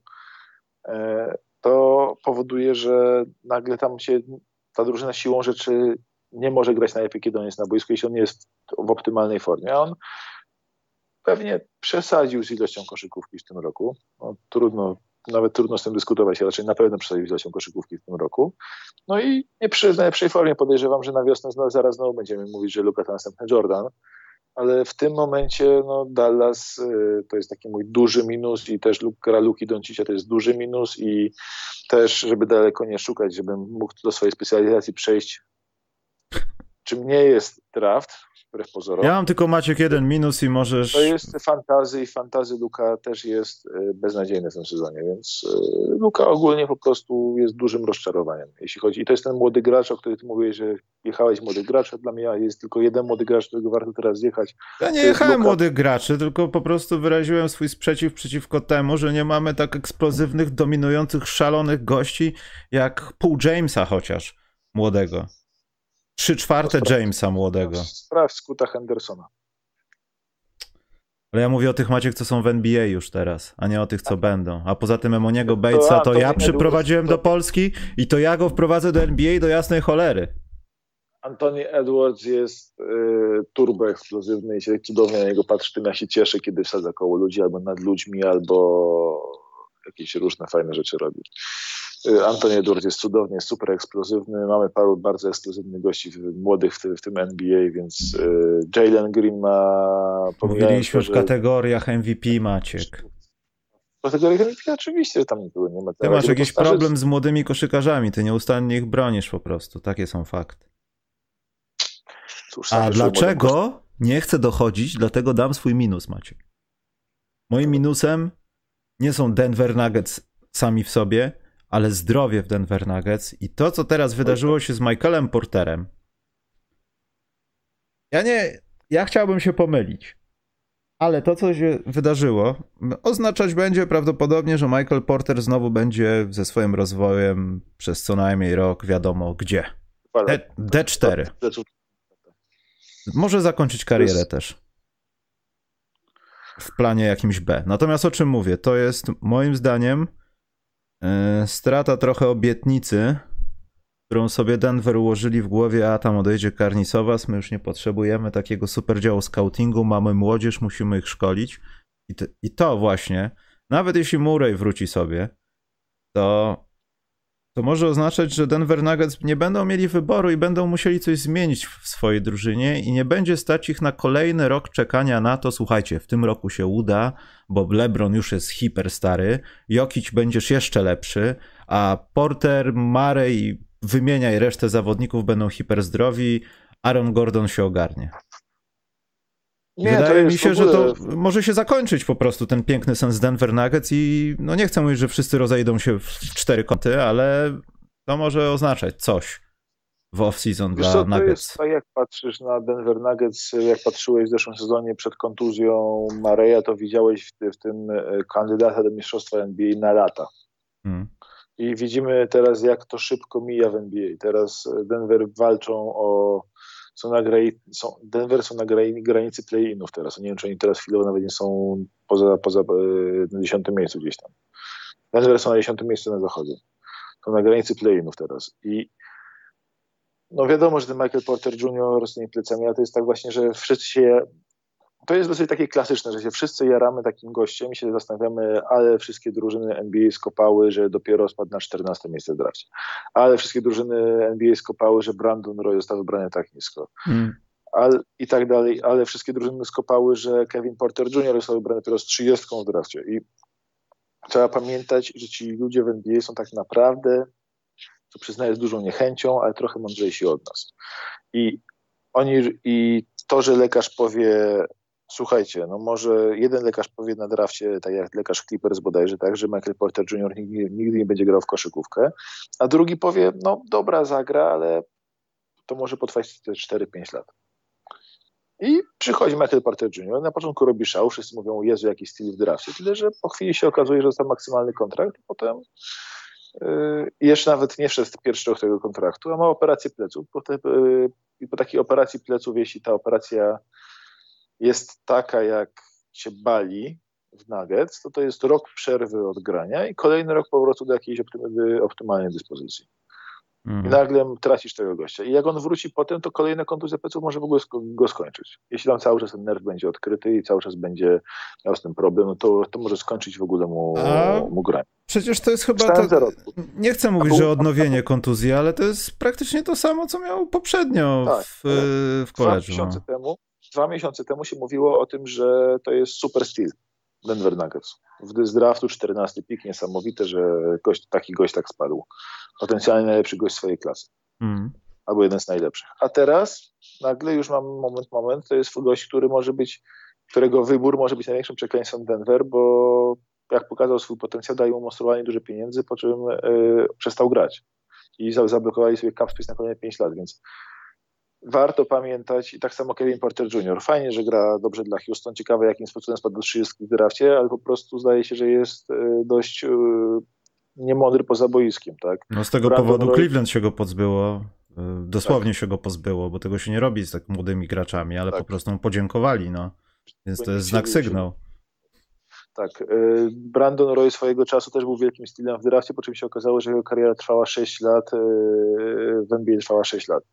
I masz masę takich jakby przypadków widzę, że się wydaje, że ktoś jest stylem albo wydaje, że ktoś jest bastem, a po paru latach się okazuje, że wychodzi w naj, najczęściej wychodzi, że ci ludzie w NBA jednak wiedzą, co robią, co jest szokujące, ale wiedzą, co robią. Zarabiają miliony dolarów za, za, za, za to, że wiedzą naprawdę, co robią. Pomijam oczywiście parę przypadków widzę, kiedy nie wiedzą, co robią, jak na przykład w tym momencie David Griffin w Nowym Orleanie, ale ogólnie to oni jednak nie są głupi i to tutaj widać. E, no tylko szkoda tych Denver. Szkoda tych Denver, bo mówię, jeszcze na wiosnę zeszłego roku myśleliśmy, że to jest drużyna, która będzie faworytem do mistrzostwa przez najbliższe 5-6 lat w NBA. A teraz nagle się okazuje, że możemy nawet nigdy nie zobaczyć ich w tej optymalnej wersji, kiedy gra naraz Jokic, kiedy gra Jokic, Murray, e, Gordon, Porter i tak naprawdę ktokolwiek piąty. Bol, bol. Nie. Który też przypomina Proszę. raczej nieodkrycie. Bol, bol wygląda jak duży Pokuszewski. Moje źródła mówią, że jego niegranie na boisku i poważnie moje source z Denver mówią, są związane z głową i mentalem na treningach i w ogóle w podejściu do gry. Stąd też nie to, że gra do dupy, tylko po prostu może się brzydko zachowuje na treningach, nie wiem, albo nie chce mu się trenować, ale no ma kłopoty z tym. Co, to samo ma James Booknight podobno, tylko tego nie wiem aż z tak dobrych sources, ale dlatego nie gra i to też kolejny gracz, którego wybrałem fantazy, cudownie. Mi się wydaje, że Booknight akurat to jest gość, który po prostu ma zbyt głęboki, zbyt dużo głębi nad sobą, w sensie ma za, za, wielu, za wielu graczy do przeskoczenia w rotacji, żeby móc się załapać na minutę. A no, moim to, to, zdaniem, z tego co widziałem w G League, e, to on, on, ma kłopoty straszne z byciem fizycznym zawodnikiem, znaczy fizycznie, żeby być w NBA. On ma kłopot z tym, jeśli ktoś go mocniej przykryje, że on po prostu zamienia się w origami. I to też nie wiem, czy wynika z tego, że nie chodzi na siłownię, Może. czy po prostu... A wiesz, kto jest dobry w G League? To. Scott Henderson, klasa draftu 2023. Nie, Emoni Bates. Emoni Bates. Słuchaj, Scott, Scott Henderson to jest gość, który w G League, jak grał przeciwko, jak grał przeciwko drużynie Warriors G-League'owej i krył go przez duże fragmenty Jonathan Kuminga, który wygląda fantastycznie jako obrońca na rozgrywających w NBA. Po prostu Henderson go orał jak chciał. Mijał go, wjeżdżał pod niego, rzucał mu trójki w ryj, robił wsady po prostu po minięciu go, jakieś kos kosmiczne rzeczy. E, ja mówię ten Scott Henderson, powtarzam któryś raz, ale po tym jak obejrzałem jego dwa mecze z G-League y, i fragment pozostałych, to jestem na etapie absolutnej, totalnej, całkowitej fascynacji i czymś w stylu prawie, że jestem gotów powiedzieć, że to jest najlepszy prospekt do NBA od czasów LeBrona Jamesa, ale troszkę się boję, bo to jest bardzo ostre. E, Najlepszym bardzo... prospektem od czasu LeBrona Jamesa jest Emoni Bates, który będzie lepszy niż Kevin Durant. Powiedziałem to 2 grudnia 2021 na razie sobie tak dobrze nie radzi nawet w nawet, nawet w NCAA, jak e, Scott Henderson w jego wieku, który demoluje po prostu G w tym momencie. Ale gra w G z jakimiś ogórkami, a tutaj gra chłopak z rówieśnikami o takim samym z, talencie. Z niektórzy nawet okularów nie zdejmują do grania. Mm. Haha, a widzisz, a Zion jak grał, to grał z takimi dzieciakami, że okulary same spadały. Bo jak to, jak na boisku, to były wstrząsy wtórne. No, wstrząsy wtórne. A propos wstrząsów wtórnych, jest expectation, że Zion y, wyjdzie na dzisiaj na swój pierwszy pełny trening. A pełny trening. Pełny, the first full practice with the Pelicans on Thursday.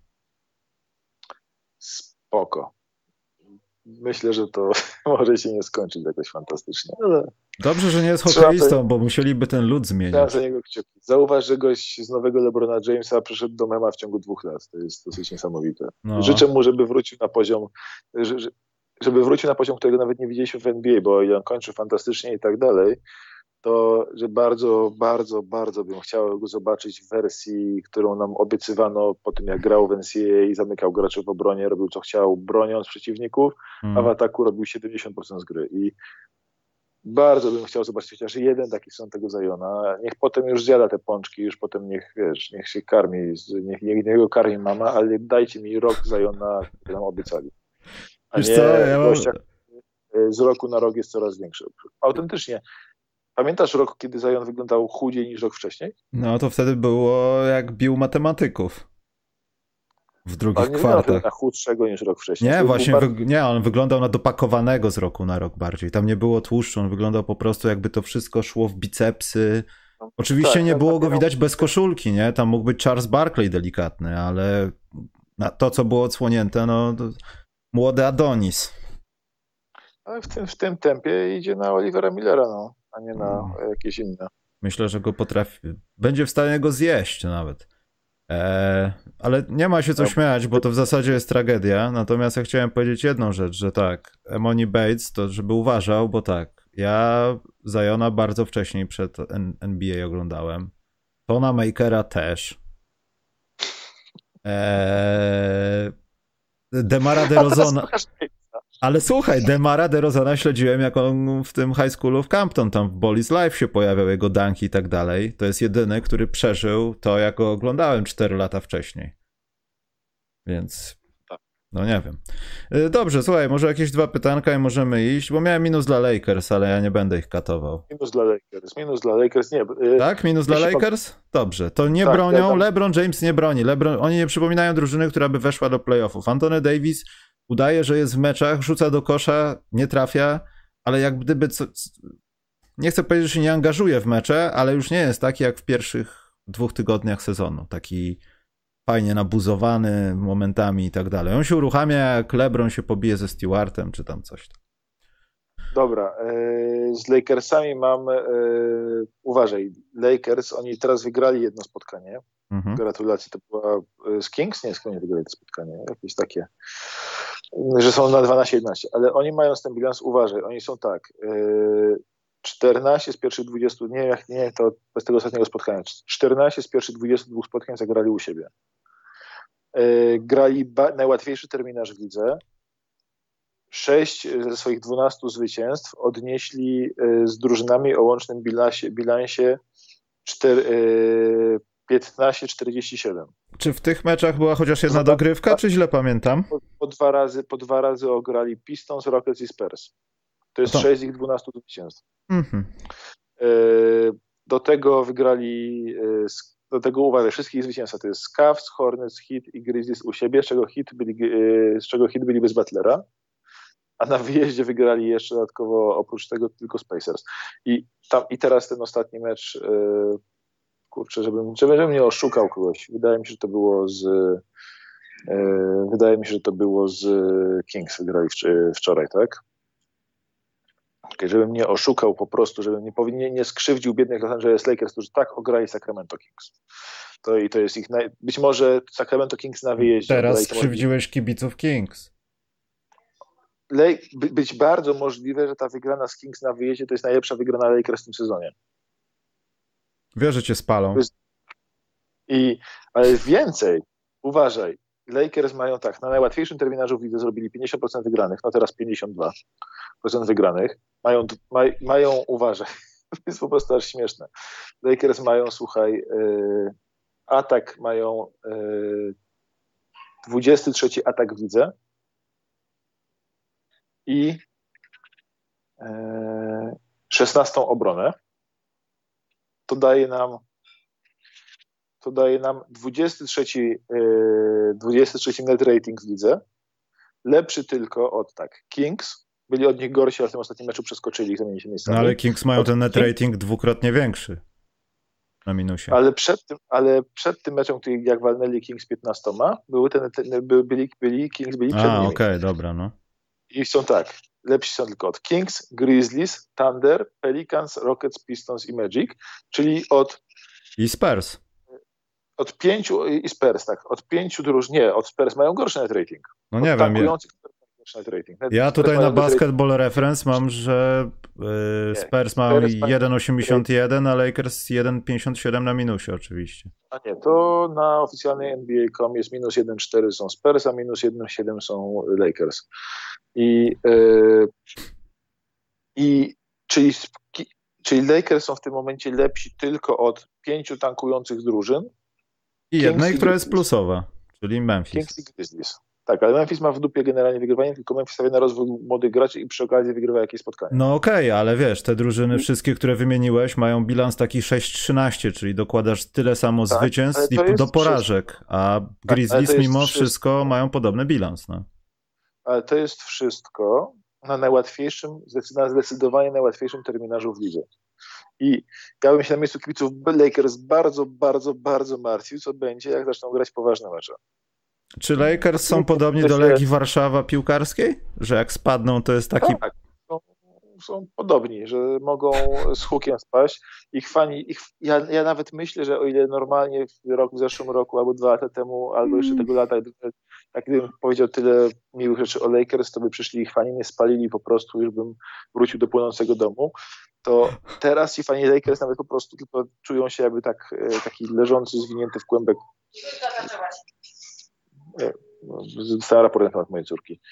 E, leżący zwinięty w kłębek po prostu biedny informatyk, który dostaje kolejne kopy już od y, tego klasowego nie wiem, mięśniaka i on już nawet nie podnosi ręki do słońca, tylko tak płacze po prostu i tak płacze i tak płacze i coraz, coraz smutniejsze. To są ci Lakers, fani Lakers w tym momencie. Oni po prostu zdają sprawę nawet z tego, że ta drużyna nie jest kompletnie tym, czym miała być. Oczywiście tam jest LeBron James, Anthony Davis, Russell Westbrook, to się jeszcze na wiosnę może zmienić, wszystko jeszcze mogą być świetnie, ale w tym momencie na razie są po prostu beznadziejni i mają i są taką wydmuszką jak Dallas Mavericks. Mają dużo lepszy bilans od swojej gry, a ich bilans i tak jest słaby. A należy przypomnieć, że w Pacific Division grają Phoenix Suns, Golden State Warriors, Los Angeles Clippers, Sacramento Kings i Los Angeles Lakers. Powodzenia, życzę Ale serdeczne Lakers buziaki. Nie są najgorsi w tej dywizji. Nie są najgorsi w tej dywizji. To, to akurat należy się, tak, tak, są, są o pół meczu lepsi od Clippers. Tak jest, nie są najgorsi w swojej dywizji. Dobrze, koniec grillowanka, no bo to też tak może się skończyć, że na samym doświadczeniu chłopaki przejadą drugą połowę sezonu się skończy piardu piardu. Ale Russell Westbrook nie wygląda na gościa, który miałby się ogarnąć za półtora miesiąca. Smutne to, bo gdybym był kibicem Lakers, albo gdyby w Chicago stworzono taką drużynę, no to ja bym jechał ich spalić już. Albo już bym szukał jakiejś środki, benzynę, cokolwiek. To ja mam, a ja mam jeszcze ostatnią rzecz, tylko można te pytania Dawaj, robić. ja szukaj, szukam pytania dobrego. Ostatnią rzecz to jest y, tak, że y, Pistons są beznadziejni, więc to jest duży minus dla Pistons. Ogólnie są beznadziejni, są, trener nad nimi nie panuje w ataku, tam jest tak, że y, nie ci gracze robią to, co powinni robić. Kate, Kate robi to, co mniej więcej umie i Killian Hayes, a cała reszta robi to, czego nie umie, ale chce to robić i trener na to pozwala. Ale... Czyli wszystko jak miało być w zasadzie.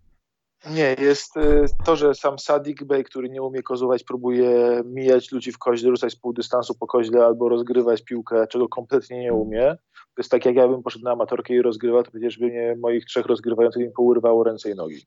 W amatorce, co dopiero w NBA. Mam ochotę bić Sadika Beya i Jeremy'ego Granta, jak oglądam mecze Pistons, mimo że bardzo ich lubiłem przed tym sezonem i nawet cały czas ich w miarę lubię, ale oni naraz we dwóch psują obraz grania prawie tak bardzo jak Kevin Porter Jr. z Jalen Greenem naraz w Houston Rockets. Ale w tym wszystkim jest tam jechanie Cade'a, bo przy okazji Cade jest jedynką draftu, twarzą medialną tego całego cyrku, a tymczasem Cade ma statystyki jak Luka Doncic w swoim debiutanckim sezonie przez pierwsze 21 spotkań. Ma trochę mniej punktów, zdobywa, bo jest 13,8 punktów względem 18,5 punkta Luki Doncicia, to jest duża różnica, ale ma 4,6 asysty. Luka w swoim pierwszym sezonie na początku miał 4,1 asysty na mecz. Kate ma 6,6 zbiórki, Luka 6,6 zbiórki. Kate po prostu gorzej rzuca za 3 w tym momencie, 10% gorzej rzuca niż Luka rzucał wtedy i mniej chodzi na linię. Z drugiej strony broni dużo lepiej i jest trochę lepszy w klacz niż Luka był w swoim pierwszym sezonie na początku swojego pierwszego sezonu. Bo w tych beznadziejnych gównianych Pistons, którzy mają bilans, bilans 5,50 czy coś w tym stylu, yy, Pistons w klacz z Cade'em na boisku są, mają 3 wygrane, 4 porażki.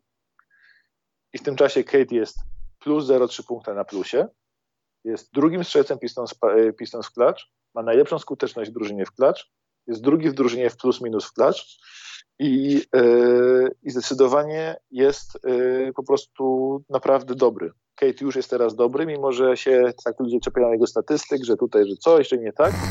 Kate wygląda jak, Kate wygląda jak yy, młody, jak, jak Luka w pierwszym sezonie swoim. Maciek, przepraszam, bo teraz, bo to na gorąco tak przeczytałem, że Zion jednak będzie miał małe opóźnienie swojej rehabilitacji, ponieważ ma soreness w prawej stopie. I, ale zespół jest optymistyczny, optymistycznie nastawiony, to jest nic poważnego, ale to trochę opóźnia jego powrót o jakiś tydzień. Szams, ciamcia, ramcia i zaraz w tym samym newsie mniej więcej Brook Lopez przeszedł operację kręgosłupa. Także, tak, no a debiutantami miesiąca jeszcze, że już Steven Amen przerwę, Josh Giddy i Evan Mobley. Możesz mówić to, o czym już pewnie zapomniałeś. Lopez przeszedł operację pleców. No mhm. to nie dziwnego, że z Kazinsa wypisali, skoro oni nie mają... To nie dziwnego, że nie grał. To nie dziwnego, że nie grał. A Zion ma slide, slide delay, który się teraz przy nie przychodzi w dwa miesiące. Dawaj pytania, bo muszę kończyć, bo już moje dzieci zaczynają robić... Przypomniały sobie, jak wyglądasz. Zaczęły, zaczęły robić cirkus. Zaczęły cię rozpoznawać, to dobrze. To znaczy, że to są twoje dzieci. E, dwa pytania będą. Bartku, pierwsze, czy granie Durantem i Hardenem po 40 minut na mecz nie odbije się Nets w playoffach? Ostatnio w meczu bez dogrywki KD był na boisku przez 45 minut. No, może to się tak odbić, ale z drugiej strony, no, nie wiem, czy, czy po prostu to, to będzie konieczne im głębiej będzie sezon, bo na pewno będzie jakieś wypoczywanko. Nawet jeśli co, to będzie to oznaczało, jest... że Nets stracą przewagę, przewagę własnego parkietu, no po prostu wypadną z czwórki. To... Nie wypadną z czwórki, będą Ale... odpoczywać, aby nie wypadną sobie dwa nawet. Mikrokontuzje, Maciek, nadchodzi luty, marzec. Musisz zdawać sobie z tego ale, sprawę. Tak, ale to, że oni będą odpoczywali, to ja sobie zdaję sprawę. I dla mnie to jest tak, że to jest... Yy bo jedna to jest ta teoria load management, która dominuje w NBA ostatnio i się właśnie o tym mówi, że oni nie powinni tak dużo grać i tak dalej. Ale z drugiej strony najlepsi trenerzy, trenerzy ligi y, mają y, klimat taki, że oni spójrz, Nick Nurse katuje swoich zawodników strasznie dużo. Steve Nash, który wygląda dosyć obiecująco jako trener, dużo minut gra swoimi zawodnikami. Mm. I na przykład teoria Lebrona jest taka, że jak on już wejdzie w rytm dnia, czyli że jeśli wyś, odpowiednio będzie spał przed meczem, odpowiednią rutynę meczową sobie w, w meczu zrobi i tak dalej, to on może grać dowolnie dużo minut a dla niego odpoczynkiem, czyli ten load management jest po prostu niezagranie w spotkaniu, czyli pozbycie się tej dwudniowej rutyny szykującej go do meczu, czyli pójście spać o odpowiedniej godzinie, wstanie o odpowiedniej godzinie, zjedzenie odpowiednich rzeczy, drzemki w ciągu dnia, rzutówki, treningu i tak dalej, i rozgrzewki tego wszystkiego. Więc tacy gracze, te, te gwiazdy jakby Kevin Durant zwłaszcza, który patrzy troszeczkę troszeczkę się wzoruje na Lebronie, czy, tego, czy to przez głośno, czy nie. Od początku kariery tam dużo takich jakby e, elementów, na których się wzoruje było. Nic, nic dziwnego zresztą, bo jeśli chodzi o prowadzenie się, to jest pewnie absolutny gołd. Możemy dyskutować o jego koszykarskiej e, kozowatości, ale jeśli chodzi o prowadzenie się, to LeBron jest absolutnym gołtem. E, I Kevin Durant podejrzewam tak samo na to patrzy, czyli jeśli on się już wejdzie w mecz, przygotuje się do tego meczu, to chce grać jak najwięcej. Mhm. A prawdziwy load management to jest odpuszczenie mu tych dwóch dni szykowania się. I James Harden kiedyś się opowiadał w podobny sposób, że jak on już przychodzi na mecz, to chce grać do oporu. A to, że sobie odpocznie kiedyś w jakimś innym meczu, to jest inna sprawa. Więc y, według mnie to się im chyba nie odbije, chociaż y, na Hardenie myślę, że to się nie odbije. Może się to, troszkę się martwię o Kevina Duranta z tym jego Achillesem, bo w zeszłym sezonie też miał przecież przerwę ze 20 spotkań i boję się, żeby to się nie powtórzyło, ale to jest już kwestia, myślę, nie minut w poszczególnych spotkaniach, tylko właśnie tego, że nie dają mu jakichś takich dwóch, trzech spotkań przerwy na razie, tylko cisną cały czas, jadą na nim, bo mają tyle kontuzji, że nie mają kiedy dać mu odpoczynku. W tym charakterze to się też boję, no może nie boję, no to jest chyba też duże zagrożenie, że jeśli Nets nie będą zdrowi, to już nie chodzi o to, że James Harden i Kevin Durant będą e, wyeksploatowani, tylko już będzie to tak wszystko grane i ograniczone, że z całym szacunkiem dla ich wielkości to może być za mało. I oni mogą grać i po 48 minut, i po 50, i to nie za wiele zmieni w tych seriach. Może nie za e, wiele zmienić, no. Ja nie mówię o pierwszej rundzie oczywiście, no bo to wiadomo, abstrakcja. z drugiej strony tym momentem na odpoczynek pewnie jest dopiero styczeń, luty takim, bo wtedy te drużyny z dołu tabeli przestają się tak starać. W sensie już mówią, dobra, hmm. odpuszczamy. Teraz na razie mamy całą ligę, nawet jedziesz do San Antonio i ci San Antonio będą się starali jeszcze ci włoić. E, jedziesz do Houstona, oni tam te parę zwycięstw więcej czy mniej zrobią, to im to nie przeszkadza w tankowaniu. Jeżeli Detroit Pistons tam będą się tłukli z LeBronem Jamesem, wiesz, są takie sytuacje, że te drużyny jeszcze na razie walczą, starają się, jeszcze mają jakieś, może nie złudzenia, ale na razie mają y, w dupie tankowanie, bo wiedzą, że nikt inny im tej, tej odwróconej tabeli nie ucieka w dół.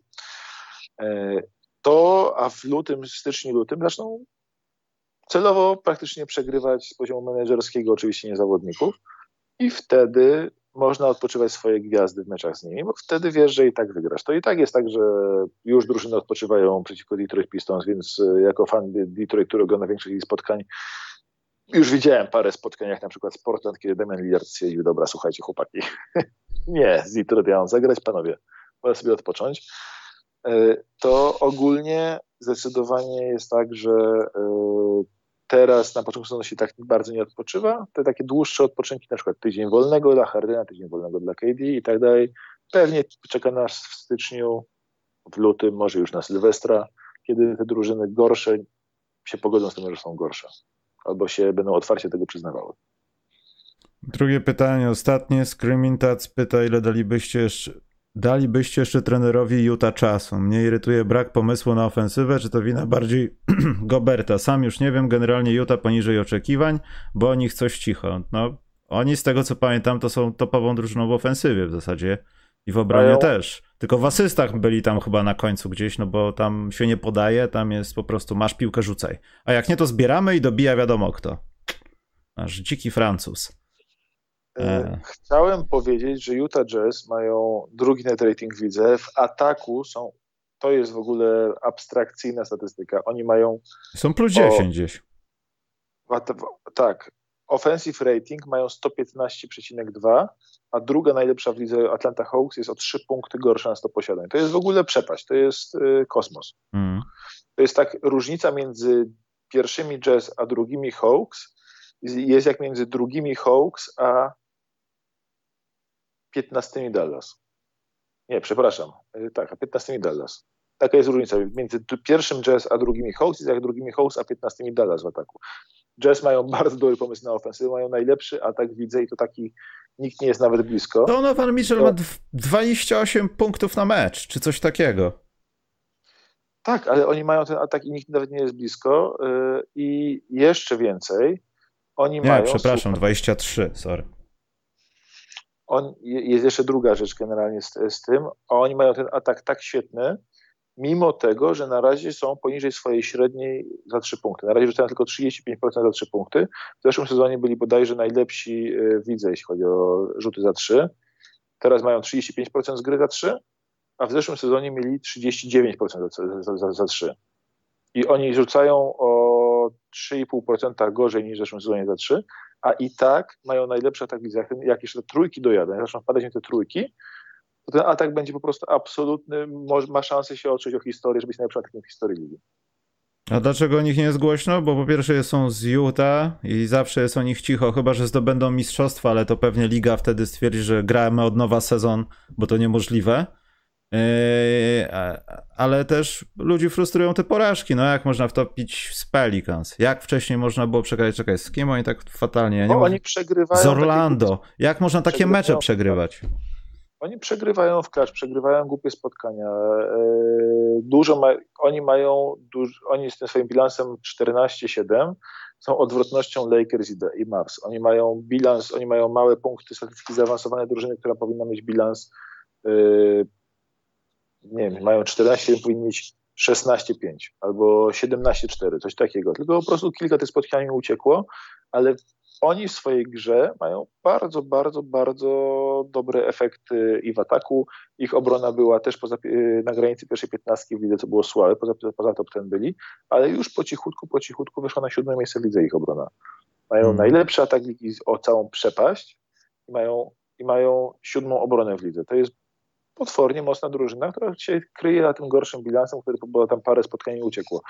Y, myślę, że jeszcze będziemy mówić o Utah Jazz jako kontenderze w tym sezonie, bo... Ja myślę, że nie przestaliśmy o nich mówić, tylko po prostu weszli pod tą kołderkę tych jazzo, nie jazzo, Warriorso, Sanso, Bullson, tak. Netsów bardziej seksowne drużyny po prostu zaczęły się pokazywać i widzimy te bardziej seksowne drużyny, a Nets po, a Jazz po cichutku robią swoje i Szczerze mówiąc, akurat y, pytania szczepieniem się ich o atak to się nie spodziewałem, bo to jest jedna rzecz, której się nie można w całej lidze przyczepić, czyli to ataku jazz, który jest fenomenalny. Bawiąc uczy, ucząc bawi. Tak Dobrze, więc Maciek musi iść, ponieważ dzieci go przestaną poznawać. Mam nadzieję, że to twoja, nie że te, które porwałeś do piwnicy. Eee, co chciałem jeszcze powiedzieć? Wbijajcie w opisy, bo jeszcze League Pass... Maciek, jak marketing robię teraz, co? Ale jak masz mówić tylko, jak masz dwójkę i nie porywasz trzeciego, tylko jedno chcesz sprzedać, e, więc yy, w tą stronę. Czyli jesteś Już muzykiem nie, i potrzebujesz organów. Potrzebuję, potrzebuję odpoczynku. Dzieci, Każdy seryjny zabójca mówi, to potrzebuje odpoczynku. Nagle padają strzały. Słynne, słynne ostatnie słowa przed pójściem do więzienia. Jest taka szansa. Mm. Chciałem pozdrowić dział demonetyzacji YouTube'a. Mam nadzieję, że nie słuchaliście 90 minut tego NBA i nie dotarliście do tego momentu. Więc w opisach macie, słuchajcie, y, dalej League Passa będziemy opylać jeszcze chyba przez dwa tygodnie. Nie wiem, co z tymi kodami. Y, I mamy jeszcze te całe tam. No, y, jak to powiedzieć, bookmacherskie zniżki w PZ Booku. Właśnie Maciek, musimy jakiś kącik bookmacherski zrobić. A na koniec rzucam bombę. Może sobota, może koło fortuny, może Karol. Także ja mówię do widzenia. Karol, Karol może mówi, Karol Śliwa mówi, Karol Śliwa może. Jeśli go rozwiążą, to będzie mówił. Ale to będę informował. Też możesz przyjść Maciek zaturlać, jak chcesz. Podejrzewam, że jako, że to jest sobota, to będę pracował do późnej nocy. To bardzo dobrze. Pracuj. Dobrze. A i kudos dla Maćka, bo szeleściu dzisiaj tylko mało razy. Albo tego nie słyszałeś i zaraz ci napiszą na YouTubie, że. Nie, ja, sły ja słyszę wszystko. Nawet więcej niż oni czasami niepotrzebnie, właśnie. Nie wiem dlaczego. Dobra, y, trzymajcie się, dzięki za wszystko. Za tydzień się słyszymy i może jakiś statyczny podcast specjalny w weekend, ale nie wiem, czy obrobię, więc nie będę mówił z kim, ale ciekawy. Z muzykiem. Tyle powiem. Do widzenia. Dzięki, na razie, hej.